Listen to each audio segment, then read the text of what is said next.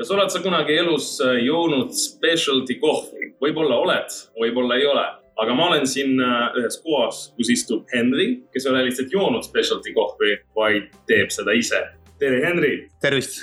kohe esimene küsimus sulle, et kust sa ise pärit oled ja kuidas oled Kalamajaga seotud? Äh, no ma olen tegelikult pärit Piritalt, aga ma elan viimased seitse aastat äkki juba Kadriorus ja mind Kalamajaga seob tramm number üks et tegelikkuses, äh, eks noh, olen töötanud nüüd, nüüd Telliskivis viimased viis aastat ja eks ka palju vaba aega veetnud tegelikult siinkandis Kalamajas ja Telliskivis laiemalt. Ja nüüd siis kuu aega tagasi avasime ka siin Telliskivis täitsa enda nagu kohviku röstla.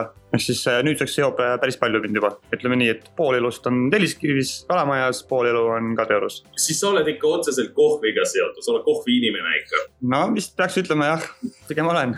kuidas sa oled siis äh, kohvisse armunud? kui ma nagu lühidalt ja ausalt ütlen, siis mind võlus kui just rääkida sellest specialty kohvist, kuigi mulle see sõna specialty selle ees väga nagu ei meeldi.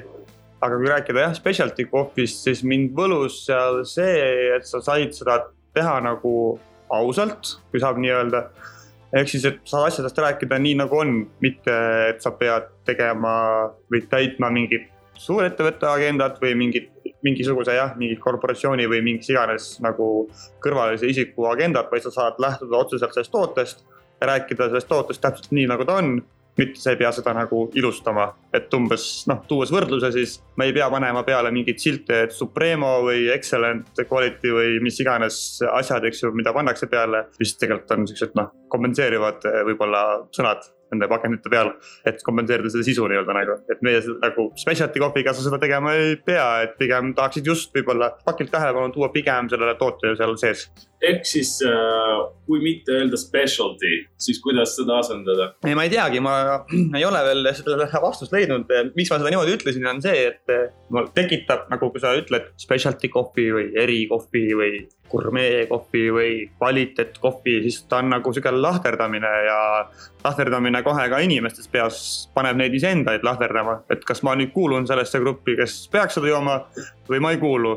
Mina tunnen, et võib-olla nagu kõik kohvi võiks olla meie keeli siis hetkel specialty kohvi, sest selleks, et teha specialty kohvit ei ole vaja nagu mingis, noh, see ei ole mingi rocket science nagu, et eh, see pigem on küsimus isegi mitte rahas ja eelarvetes farmerite koha pealt, vaid pigem on see nagu know-how's ja tahtmises, sest näit-, lihtsa näitena tuues paljud farmerid näiteks ise ei maitsegi oma kohvi, mida nad nii-öelda kasvatavad. ehk siis nad ei võta seda sellise toorainena, nagu meie seda võtame, mis on nagu regiooniti ja kliimatingimustega ja sordist nagu erinev, vaid nemad võtavad seda pigem kui sihukest äh, mingit börsitoodet, mis, mida sa müüd nagu mahu pealt. aga noh, sa võid ette kujutada, et kui sa nagu teed süüa nagu ja siis sa mitte kunagi ei maitse oma toitu.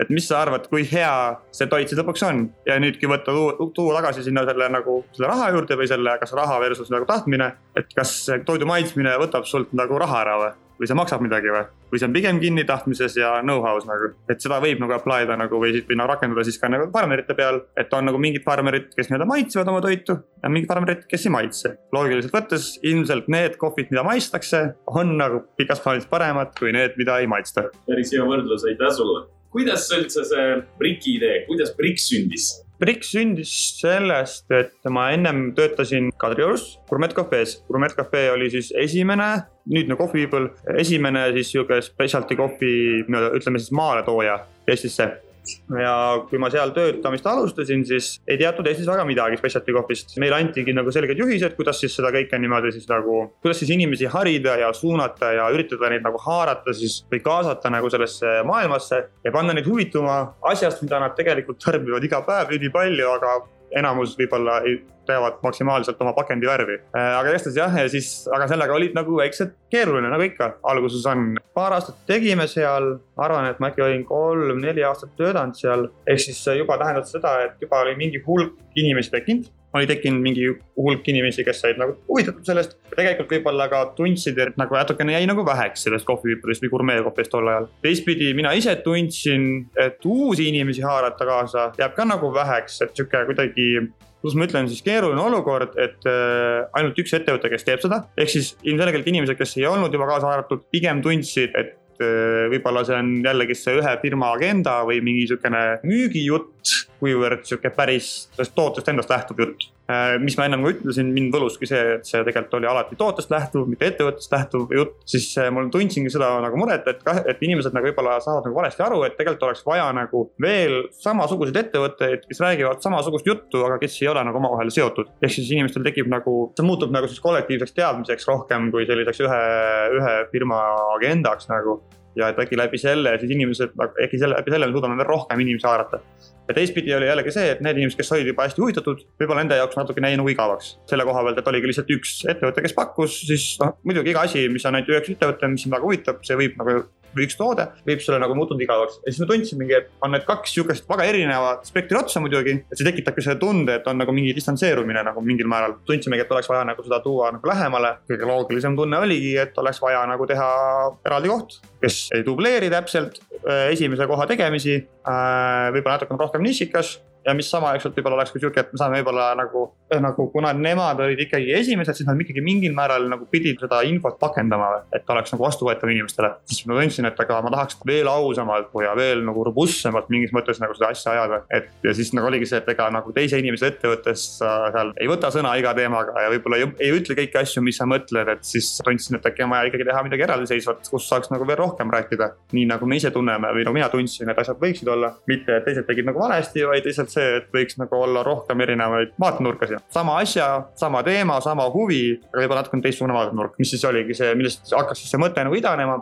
ja siis ma käisin Brasiilias ja ma nägin, äh, kuidas seal oli hästi palju neid kohti tekkinud. siis ma nagu väga ei oodanud seal näha nagu mingeid väga palju coffee shop'e ja roaster eid ja asju. aga ma nägin hästi lahedad, hästi erinevad, nagu ülierinevad ja siis tunduski, et see oligi see viimane tõuge, et vaatasid, et kõik on nagu ühe asja eest väljas, aga nad kõik on täiesti erinevad. Igaüks on oma nagu selle äh, nurga leidnud sellest asjast, mis vaatega nemad seda vaatavad ja kuidas nad seda tahavad siis inimestele presenteerida. ja ma sain nagu nii palju mõtteid sealt ja ideid, et tagasi tulles hakkasin hulluks minema või või nagu tekkis nii palju peale kogu aeg, aga ei saa nagu teostada nii nagu tahaks. mingeid asju saad, mingeid asju ei saa ja üldse tekkiski sihuke siis loomisvajadus või. tulingi tagasi, ma mäletan, ma olin kahekümne nelja aastane vist, sain oma sõbraga kohe kokku ja siis ütlesin, ma ei mäleta, miks, aga ma ütlesin talle, et tead, et kahekümne viies sünnipäev peab toimuma kusagil minu enda kohas. mis siis nagu ma muidugi unustasin ära, aga muidugi ma avastasin äh, enda kahekümne viiendat sünnipäeva tähistades enda kohas, et see ikkagi sai täiks. siis ma olin siuke, noh, väga lahe, et see läks hästi.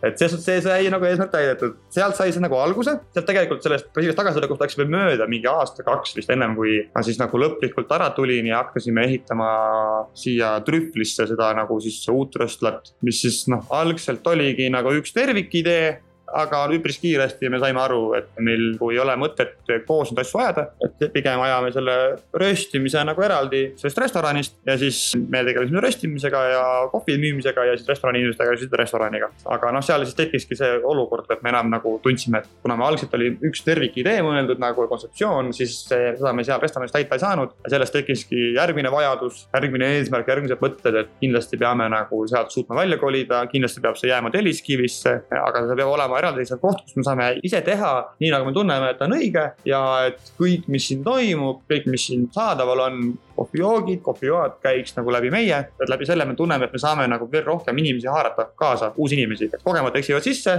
alati on kas mina või siis Märten, me oleme hästi entusiastlikud kohvist ja me panustamegi selle peale, et inimesed läbi lihtsalt selle energia ja selle emotsiooni, kuidas me räägime, hakkavad huvi tundma. aga see emotsioon ja energia kaob ära, kui see on keegi kolmas, kes seda teeb. sellepärast on nagu oluline meie jaoks alati oli, et okei et see peab olema nagu üks tervikkontseptsioon, see peab kõik olema nagu, tiirleks nagu ümber meie mingil määral või. et me nagu ühtepidi teeme seda kohta inimestele, aga teistpidi me teeme seda kohta ka iseendale. et meil endal oleks hea tööd teha, me ise tunneksime naudingut sellest, mis me teeme ja et me tuleksime iga päev nägu naerul rõõmsa tujuga tööle, kas see on seitse kolmkümmend, kuus kolmkümmend või üheksa kolmkümmend, ei ole vahet, aga et tuled hea meelega tööle ja sa teed, mida sa tahad. no siin, siit tulebki vist see nagu vahe sisse, et meie võtamegi seda ka mitte, et me ei tee karjääri või me ei tee tööd, vaid see on meie nagu calling või meie kutsumus. ehk siis see ongi hobi ja töö ja eraelu ja kõik nagu natukene nagu mingi, mingi põhimõte. aga tulles tagasi nüüd sinu küsimuse tuuma juurde, et kust see break siis tuli, oligi see, et tuli see idee, et on vaja teha, siis minu alg, alatine mõte on olnud see, et ükstapuha, mis me teeme, eriti Eestis, on ülioluline, et see oleks kogukonnale tehtud.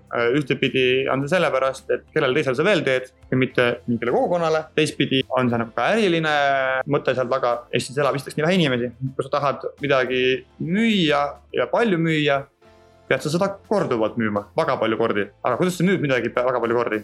nii, et inimestele see meeldib, nad saavad aru sellest, mis on tegelikult väga oluline, sest ma võin ju luua ükspuha midagi ägedat ja ilusat, mis minu arust on meeletult kena ja lahe, eks ju. aga kui inimene sellest nagu aru ei saa, siis on ka nagu veits mõttetu või noh, siis on nagu tühi töö, et, et ikkagi ju meil noh, ma ütlesin ühtepidi, et me teeme nagu endale, aga samas me teeme nagu teistele, et ma ütleks niimoodi, et loome seda keskkonda endale, aga seda toodet teistele. ja kui teistele inimestele see meeldib, see keskkond ja kõik see, siis see on meeletu boonus.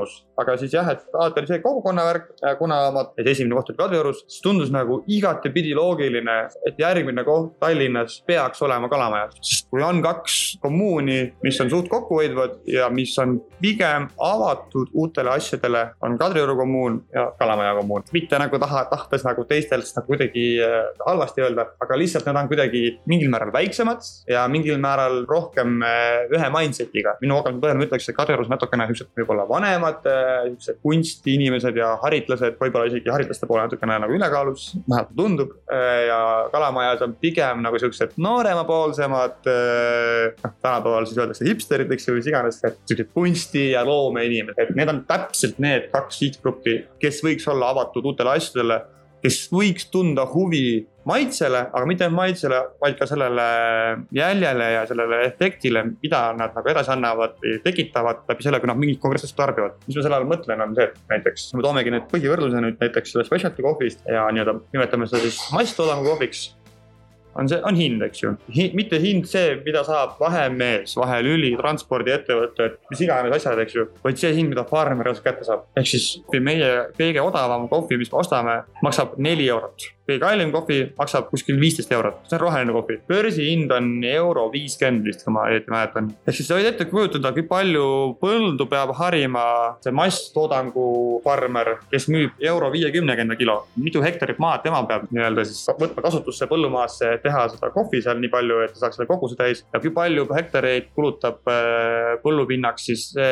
farmer, kes meile müüb keskmise hinnaga seitse eurot kilo, eks ju. selleks, et sama raha ka kätte saada, peab see esimene farmer müüma circa kolm-neli kilo, et saada samaväärne summa kätte. aga see ei ole isegi ju veel tegelikult see, mis talle kätte jääb, vaid see on tal ka kulu, sest eh, tegelikult euro viiekümne hind on sihuke ikkagi, et pigem juba osad farmerid jätavad nagu marjad korjamata keskkonnajälg on nagu hästi palju erinev, et ja meil tihtipeale tulevadki inimesed, et ah, et aga, et jaa, väga tore küll, aga ma ei saa nagu osta seda kohvi, sest see on, kohvi on liiga kallis, ma joon kuus tassi päevas. siis tekib minul tekib vaata küsimus, et nagu ma ei usu, et see nagu võib-olla ei ole see, et see kohv liiga kallis on, võib-olla see, et sa jood nagu liiga palju, et äkki sa ei peaks nii palju seda kohvi jooma. ja muidugi, mis alati inimesed, mida ei oska arvestada ja ei tea enam ei-öelda, aga mida võiks teada, on see, et ilmselgelt, mida värskem kohvi on, seda nii-öelda siis, seda suurem laks on või noh, toimeaine on siis, mida siis tegelikult noh, miks ma seda niimoodi sõnastan, on see, et ülipaljud nagu seda taga ajavadki. ja see on ka nagu argument, sest neil nagu mõtlevad, et kohvi kvaliteet äh, sõltub kofeiinisisaldusest ja kofeiinisisaldus väljendub maitsekanguses.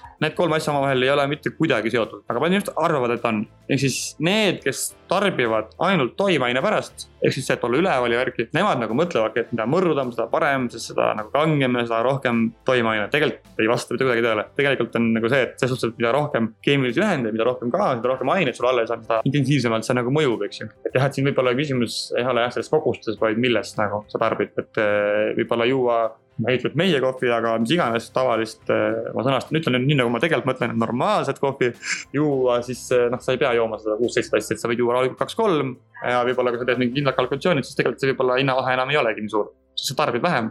ja kui sa hakkad nüüd mõtlema ka nagu tervise aspekti peale, noh neid aspekte on meeletult palju muidugi, mille peale mõelda kohvi peal. aga kui mõelda ka tervise koha pealt, siis no, ikkagi, mida tumedam röst on, seda suurem tõenäosus on sealt mingeid mürkaineid saada, akülamiide ja nii edasi. kui sa ei söö kõrbenliha, siis miks sa peaks jooma kõrbenkohvi ja kõrbenliha me ei söögi, eks ju.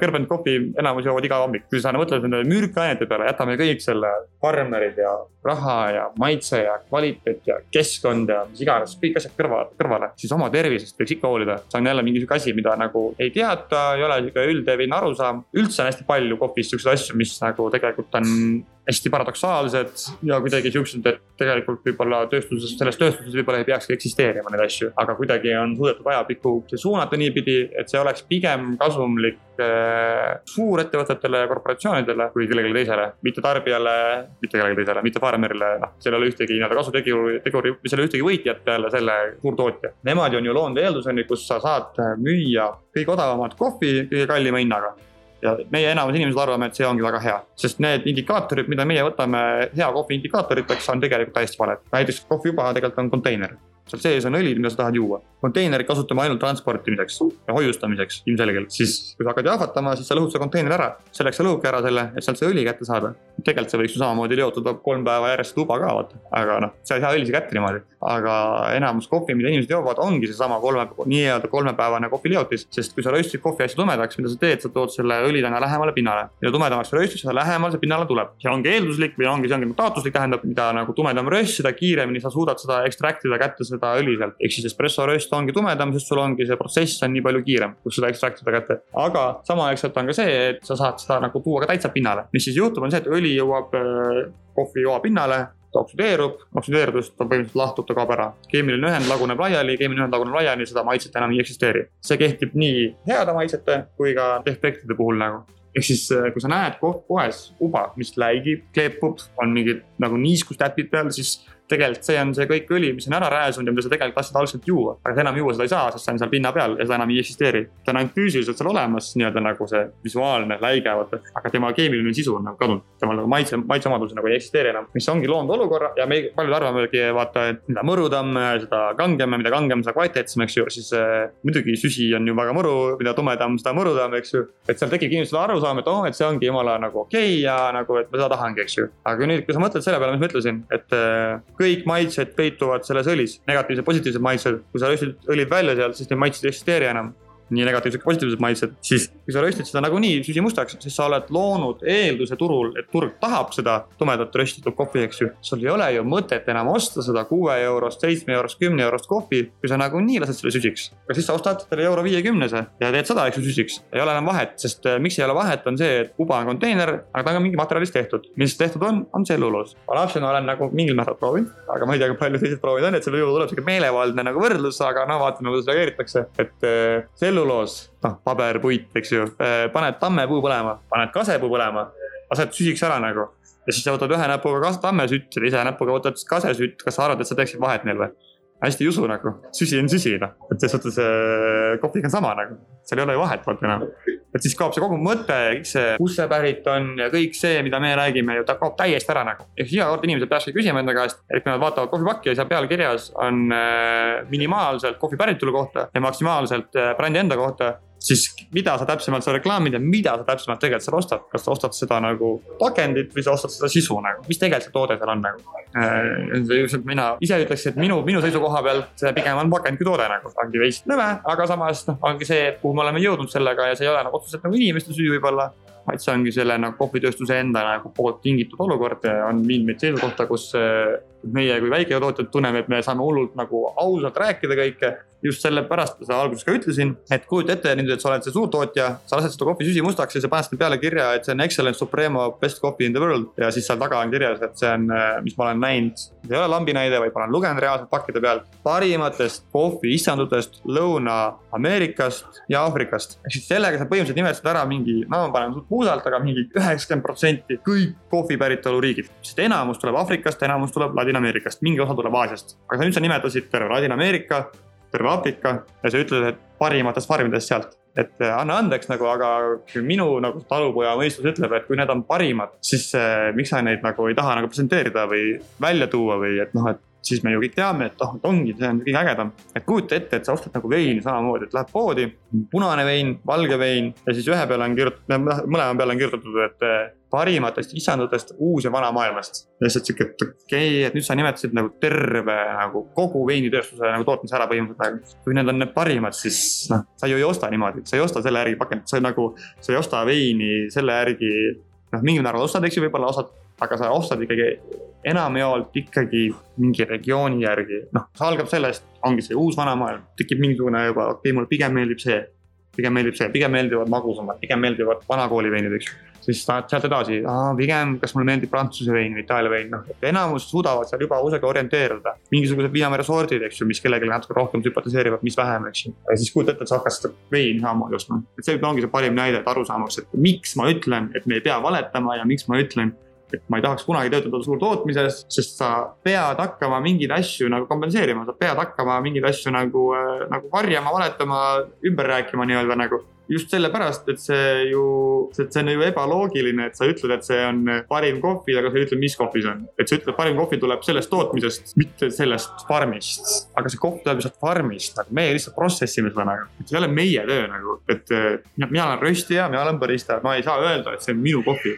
on ikkagi selle farmeri kohvi, mida mina siis nagu lihtsalt viimistlen, eks ju. et me, mina näiteks seletangi tihtipeale inimestele niimoodi. kohvi tegemine koosneb kolmest kastist. esimene kast on farmeri kast, ehk siis see kast sümboliseerib maksimaalset potentsiaali sellel kohvil. järgmine kast on röstija kast. röstija ei saa oma kasti joonistada farmeri kastist väljaspoole, sest see potentsiaal on ette antud meie eesmärk on ju, ju üritada nüüd teha see kast võimalikult sama, sama suur, samade mõõtmetega nii-öelda nagu see farmeri kast. mida täpsemalt me sinna tõuame, seda paremini me seda potentsiaali kätte saame, mida nii-öelda siis, mida väiksem see kast on, seda nagu vähem me siis oleme seda potentsiaali rakendanud mitte endale, vaid baristale, sest me röstime ära nüüd tuleb barista. barista ei hooli enam farmeri kastist, tema jaoks on ainult üks kast, see on see röstija kast. ehk siis see potentsiaal, kui meie ei tee nagu maksimaalse potentsiaaliga rösti sellest kohvist, siis see potentsiaal jääb tegelikult kõik raisku ja baristana nagu tegelikult sa saad ainult mingi osa kätte. et eks sõnastame seda niimoodi, farmer lööb nagu, loob nagu aluse kõigele, meie röstijatena ei saa kompenseerida farmeri puudujääke äh, kui ta on olnud mingi puudujääke. me ei saa muuta seda paremaks, kui see juba on. samamoodi ei saa barista muuta seda kohvi paremaks, kui see juba on meie poolt röstitud. ehk siis, kui ma röstin süsi mustaks, siis ega baristal ei ole mingisuguseid vahendeid, kuidas seda nüüd nagu heledamaks saada, eks. et noh, see ei ole ju kuidagi reaalne. ja samamoodi, et äh, kui ikkagi farmer ma ei tea, korjab liiga vara oad ära või ei sorteeri piisavalt, eks ju, siis ega, ega ma kuidagi röstimisega seda toore nagu kvaliteeti paremaks teha ei saa nagu. noh, et see nagu jah, see ei olegi nagu võimalik, et see ongi, et sellest võiks inimesed aru saada, et pakend pakendiks, tegelikult nagu see alus kõigele luuakse ikkagi farmeri juures nagu aga noh, see ole, aga nagu ma räägingi, see on kogu kohvitööstuse issue, mitte nagu tarbija issue, sest see farmer ise samamoodi võiks natukene rohkem mõelda kaasa, et mida ta teeb. nagu ma alguses alustasin, siis on väga palju farmereid, kes üldse ei joo kohvi. ja siis see ongi tekkinud kõik see kokku ongi üks suur nagu nõiaring mingis mõttes nagu. ja ei tea nagu kust, kust algab, kust lõpeb nagu, et kust sa peaks nagu alustama selleks, et seda midagi muuta nagu. sest nagu mina hakkasin kohvi tegema, specialty kohvi, siis kõik olid siuke mingi, ei ma ei taha mingi see mingi nõme hapu kohvi, et ma tahan masinakohvi. aa, okei okay,, aga kuidas sa siis nagu pakud midagi, mis sinu arust on õige inimestele, kes sellest ei hooli ja kes ei huvitu sellest. ja siis sa ei lähe ju suurtootjate juurde ja kuule, et oi-oi-oi, kuule, te ikka teete nii valesti ikkagi või te, te, te teete niimoodi ja niimoodi ikkagi. siis ongi nagu see, et tüübid ütlevadki sulle, et aga, aga, aga inimesed ostavad ju, inimesed tahavad ju. ja see tegelikult mingil määral paneb suu lukku äh,. aga siis nii on, eks ju. ehk siis, mida meie otsustasime, mida me teha tahame, mida ka nagu see nii-öelda gourmet-kohvi, kus ma alguses töötasin, tegema hakkas, oligi see, et me siis ikkagi otsustasime, et me ei lähtu nii väga turu endast, vaid me lähtume tootest. lähtume kogu aeg tootest ja siis vaatame läbi selle, kuidas siis inimesed selle vastu võtavad nagu. leiate enda klient. loome enda kliente selles suhtes nagu, et me isegi ei leia, vaid me üritame luua. kuule, selle kohvi valmistamise osas, teie siis äh, lihtsalt mingit espressot siin kindlasti ei müü, et mis siis äh, see põhiline erinevus, näiteks teil on V60 ja siis Chemex, mis te pakute uh,. ma ei tea, kas Aeropressi teete ka, aga mis, mis uh, nagu, kuidas te teete kohvi ja mis nende erinevus? ma alustuseks ütlen, et espressot teeme ka. espresso on väga suur asi, mis me teeme, väga oluline asi, mis me teeme. et meil keegi täna just küsis, et kui te hommikul tulete tööle, kas te siis hakkate reeglivalt röstima? et ei, et hommikul tuled tööle, siis number üks asi alati ja igavesti, nii kaua kui me teeme neid asju, peab olema espresso paika panemine. kõige delikaatsem kohvi, mida sa teha saad ja kõige muutlikum ajas. ehk siis, kui V60 Chemexi puhul ma võisin septembrikuus retsepti välja mõelda ja see on siiamaani pädev, siis espresso puhul eilne retsept ei päde täna nagu. et see on kogu aeg muutuses. kohvi inimesed hindavad espresso järgi väga palju ja nende jaoks on esiteks väga oluline, nad joovad seda, kuidas see maitseb, teiseks nad on ülikriitilised ja läbi selle espresso tegelikult sa saad nagu väga hästi tunda kätte, kui teemas või kui äh, huvitatud see barista või see koht on siis sellest kohvi pakkumisest. et see, miks see nii on, see on see, sest see vajab ja iga barista, kes on tegelenud, teab, et see vajab pidevalt tegelemist, see vajab pidevat hooldamist.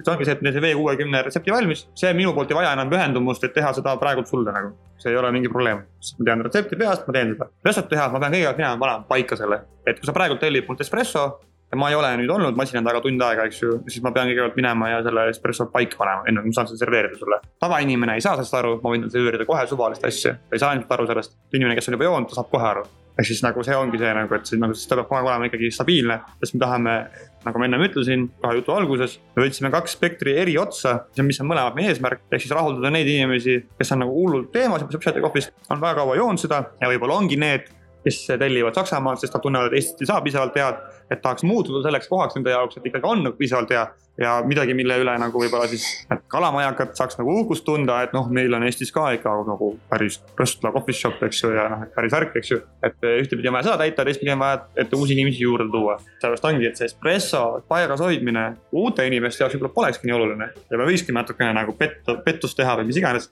aga kohegi mul tuleb see päris vend sisse, päris vend, aga no see, kes on juba kaua joonud seda kohvi, tema saab ju igast asjast kohe aru, sest see on nagu nii tundlik see espresso nagu. aga jah, et see, see espresso on nagu number üks asi ja kõige olulisem meie jaoks mingil määral, eh, mida nagu baaris me nagu valmis teeme. kui rääkida V60-st ja Chemexist, siis nende puhul eh, ega siin pikalt ei olegi midagi rääkida.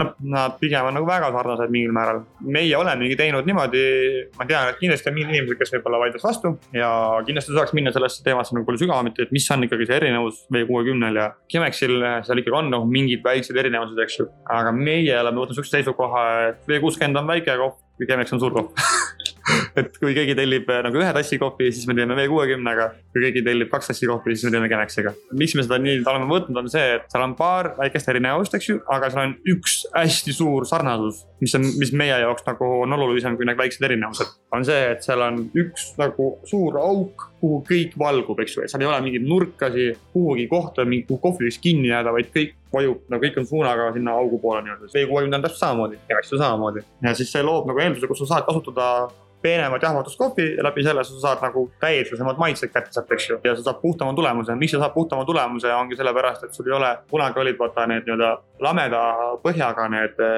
filtrihoidjad, siis sul oli keskel üks või mingi kaks või kolm üks väikest auku, aga kõik äär oli ju kinni kaetud. see nii-öelda siis nii-öelda see alusäär, eks ju. ehk siis kohvi vajus sinna põhja aga vesi sai läbi minna ainult kolmest väiksest august. ehk siis see kõik kohvi hakkas sinna nagu troppi ette vajuma ja siis, kui, mis juhtub, on see, et kui sa paned nagu kohvi, paned vee peale, siis kõigepealt vesi, kohvi segunevad ja siis need eralduvad. kohvi on raskem, vesi on kergem, kohvi vajub põhja uuesti, vesi vajub uuesti ülesse ja siis vesi hakkab uuesti läbi imbuma.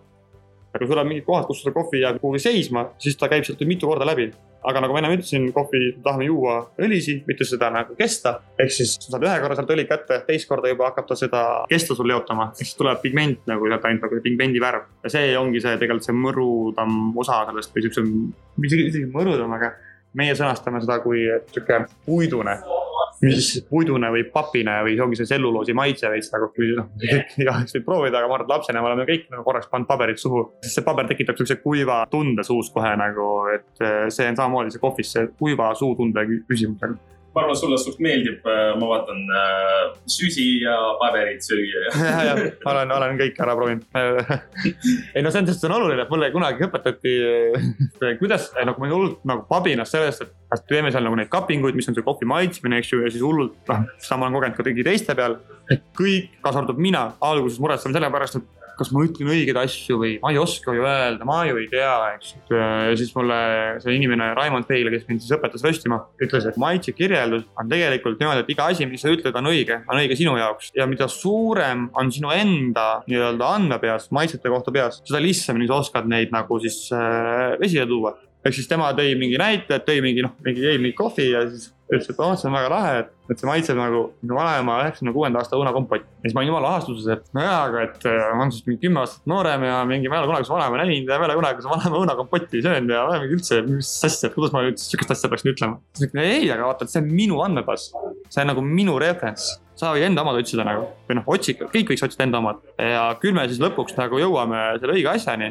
aga kõige tähtsam on see, et sa ise aru saaksid, ehk siis, kui me nagu röstid, eks ju, sa paned midagi kirja, maitsed, eks ju, sa paned kirja, et järgmine kord tahaks seda muuta nagu. siis see peab olema ju kuidagi mingi sinu jaoks arusaadav. et kui sa kirjutad sinna, võiks olla veits magusam, siis see kahe nädala pärast see veits on suht, suhteline, et mida see veits nagu tähendab või mis veits magusam või nagu, et aga kui sa suudad sinna kirjutada, et noh, sul ongi mingi mälestus, mingi lõhnaga, mingi maitsega ja siis sa kirjutad selle mälestuse sinna sa loed, noh ütleme ette mälestusega selle, mida see asi see on, eks ju. sul tuleb sulle kohe meelde, see maitse tuleb kohe sul silme ette või suu peale, see lõhn tuleb kohe sulle ette nagu.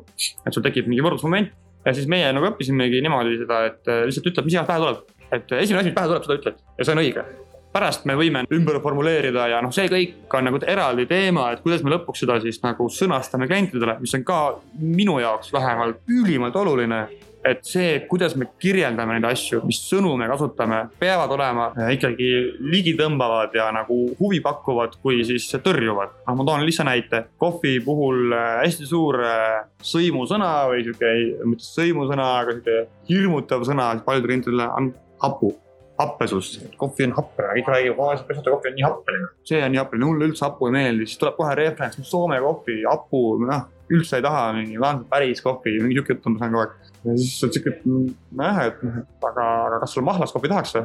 oo, mahlas kohvi tahaks täiega, eks ju, ja, ja mahlane kohvi. ja siis sa müüd sedasama happelise kohvi, lihtsalt nüüd ta, nüüd tal on peas sõna mahlane, eks ju, tuleb koju, ta joob. ta mõtleb, oo, see on nii mahlane, aga mis teeb asja mahlaseks? hape, et aga kui sa võtad, noh, toon lihtsa näite jälle, hullult meeldib tuua lihtsaid näiteid võtad rusikatäie valget suhkrut, eks ju. jällegist ma ei taha keegi seisukohta võtta, aga ma olen suht kindel, et enamus inimeste jaoks see on nagu, ei ole väga meeldiv, et see on sihuke läila.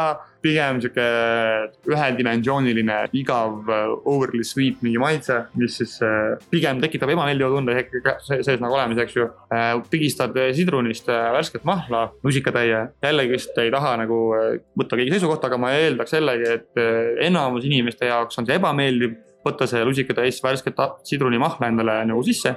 aga nüüd, kui sa need kaks asja omavahel kokku segad, siis see on ju päris hea tegelikult. täpselt tahtsin öelda, aga et et see on ju päris hea, eks ju. et põhimõtteliselt on see limoncello jah, ajutame protsessi vahele ja ongi olemas. aga et mis ta siis tegelikult muutub, ongi see, et ta muutub nagu mahlaseks. hape muudab selle suhkru mahlaseks, suhkur muudab selle happe küpseks ehk siis need on nagu need omadussõnad, mida me tahame kasutada. küps ja mahlane tekitab hoopis teistsugused seosed ja me seletame ka inimestele, ei ole nii, et me nagu ütleme, et me nagu peidame selle sõna happeline ära ja siis kasutame seda mahlane ja siis nagu mitte kunagi seda kapist välja ei too. vaid me ikkagi nagu äh, seletame neile, et jah, et see ongi nagu see, et me kasutame sõna mahlane, sest see on õige viis, kus seda kirjeldada, sest siin kohvis on nii suhkrut kui happed, mis kokku muutuvad mahlaseks ehk siis me võtsimegi nagu kohvi kohalt nagu sellesama seisukoha, et, et see küpsus on see, mida me taga ajame. ja küpsusest tingitult on see happesus hea, sest siis see happesus muutub mahlaseks. aga kui ma teen küpse rösti ehk siis nagu nii-öelda meie mõistes ideaalse rösti, siis see on nagu igal pool su suus, aga ta on üks. ehk siis see meie jaoks põhimõtteliselt komplekssuse definitsioon see nagu hästi oluline meie jaoks, et just see sõnastuse asi, küsimus, sest see psühholoogiliselt ikkagi muudab väga palju inimese suhtumist asja. Tegelikult iga asi, mis me tarbime või noh, enamus, mis me tarbime, tahame, et see tekitaks meil positiivse efekti ja positiivse suutunde nii-öelda nagu. suutunde all ma mõtlen seda, et hakkaks nagu ila äärmel jooksma, et sul hakkaks, tekiks nagu mahlasus suu nagu juurde. mitte see, et sa nagu äh, sööd ja siis kulgeb terve suu ära nagu, et on siuke uh noh, nagu on tegelikult tooreste asjade söömisega nagu, et äh, kohvi on mari ja sellepärast tundub meie arust loogiline käidelda ka seda kaugumarja nii et äh, kallid kuulajad, tere tulemast siia Brick Coffee, Märteni ja Henri juurde. Ma küll äh, lähen, võtan praegu Keenia V60 ja kõrvale võtan väga head äh, feta ja spinati pirukad. soovitan ka teile seda teha soovitan samuti ja lühike küsimus kõige lõpus, et kust see siis, need pirukad siis tulevad, et kas ise valmistate? Ja täpselt, ei, ei valmista ise, meil on niimoodi, et meil on sihuke seisukoht, et teeme ainult neid asju, mida hästi oskame teha. kui me hästi teha ei oska, siis me ei tee neid, siis me pigem küsime kelleltki, kes oskab neid hästi teha. pirukatega meil on hetkel niimoodi, et me ise neid ei tee, aga nad on värsked. meil äh, mingi hulk pirukaid tuleb äh, naabrite juurest äh,, Rockpool, üks uus restoran ja söögikoht siin Telliskivis. see spinati feta pirukas, millest sina rääkisid, on tegelikult pirukas, selle kohta on natukene vähe öeldud, see on päris suur ta on sihuke lõunapirukas ja ta, see pirukas on pärit Lõuna-Aafrikast, meile üks äh, härra Lõuna-Aafrikast nimega Paul teeb neid. Äh, nad on siuksed suured, siuksed, ta ise, ise seletas meile neid, et ongi Lõuna-Aafrikas ja Uus-Meremaal ja Austraalias hästi traditsionaalsed siuksed äh, snäkid või asjad, et noh, see on number nagu sihuke number üks street food nagu, mida nemad seal võtavad. See on väga-väga maitsev, siis meil on natukene magusat ka, magusad tulevad üks neiu nimega Hanna, LA-st pärit, äh, teeb meile just ameerikapäraseid kokke, ehk siis äh, nagu ta ütles, siis erinevalt eestlastest sai koonerdada suhkru ja võiga, mida on seal tunda, see on päris hea äh,. ja läbi selle nagu, nagu, mis talle veel nagu ütles, oli see, et teeb küpsiseid ka meile, see oli päris naljakas, et võtsin selle küpsise ja siis ta nagu natukene nagu vajus, vaata. sa said nagu veits muljuda seda, vaata nagu plastiliimi ja siis mõtlesin, oo issand, et nii pehme, vaata. siis ta on siuke, et jaa, jaa, et eestlased ikka, et te teete nii kivikõvasid küpsuseid kogu aeg, et sellega saab ainult naelu seina lüüa, et süüa küll neil ei kõlba. siis ma mõtlesin, nojah, vist tegelikult tõesti, et ma mõtlen iga kord mingi, mis ma leian sealt nüüd vanaema heegeldamiskarbist need küpsised, siis ei olnud taga nagu, tekkis täpselt see, mis ma rääkisin, vaata, et ei taha üldse, et oleks kuiv, vaata, siis need on ilgelt kuivad, nagu siis see on siuke, suu kuivab peast ära. tema teeb meile siis igast eh, küpsetisi ja meil tegelikult ka siit naabrite juurest ju lähedalt Salme kohvikust tuleb vahepeal mõned koogid, et meie nagu seisukoht on sihuke, et me üritame võtta igalt poolt erinevatest kohtadest, kus nagu me tunneme ise, et on väga maitsvad ja hea kvaliteediga tooted. ja teistpidi oleks ka see oluline meie jaoks, et me ei pakuks nagu liiga palju samu asju, mida ümbruskonnas väga lähedal pakutakse. et me pigem üritaks alati tuua midagi uut, ongi üldse paradoksaalne, et me tahame, et nagu lähipiirkonnast pärit tooted, aga me samas ei taha, et need inimesed, kes meil need teevad, neid ise nagu kellelegi teisele müüks. Mis kõikide asjade puhul ei ole küll ikkagi niimoodi, et seda ikkagi seda Aafrika pirukat saab äh, siin Balti jaama turu peal on sellel Paulil on endal täitsa see trakk, kus ta neid nagu valmistab ja siis äkki oli kolmapäevast laupäevani ta pakub ka neid seal, aga, aga lihtsalt see tundus nagu ise meie jaoks nagu nii sihuke ainulaadne toode ja nii põnev toode ja meile nagu sobivat toode, et me lihtsalt otsustasime ikkagi, et me võtame selle sisse ja et las ta siis müüb seal Balti jaamas, et kui tema on kinni, siis me saame müüa ka tema klientidele. ja need noh, meile maitses ikka väga, et need olid väga-väga meeldivad, et seal oli, üks on spinati feta ja teine on siis äh, loomaliha peekoni. Äh, et üks on vegetarian ja teine siis on äh, nii-öelda noh, tavaline, loomne ja suur aitäh sulle, Henri, tõesti põnev oli kuulda kõiki neid story sid, et tahaks kohe õiget kohvi ka juua. mitte specialty't, vaid õiget. õiget, normaalset, normaalset kohvi. jõudu teile siis. tarvis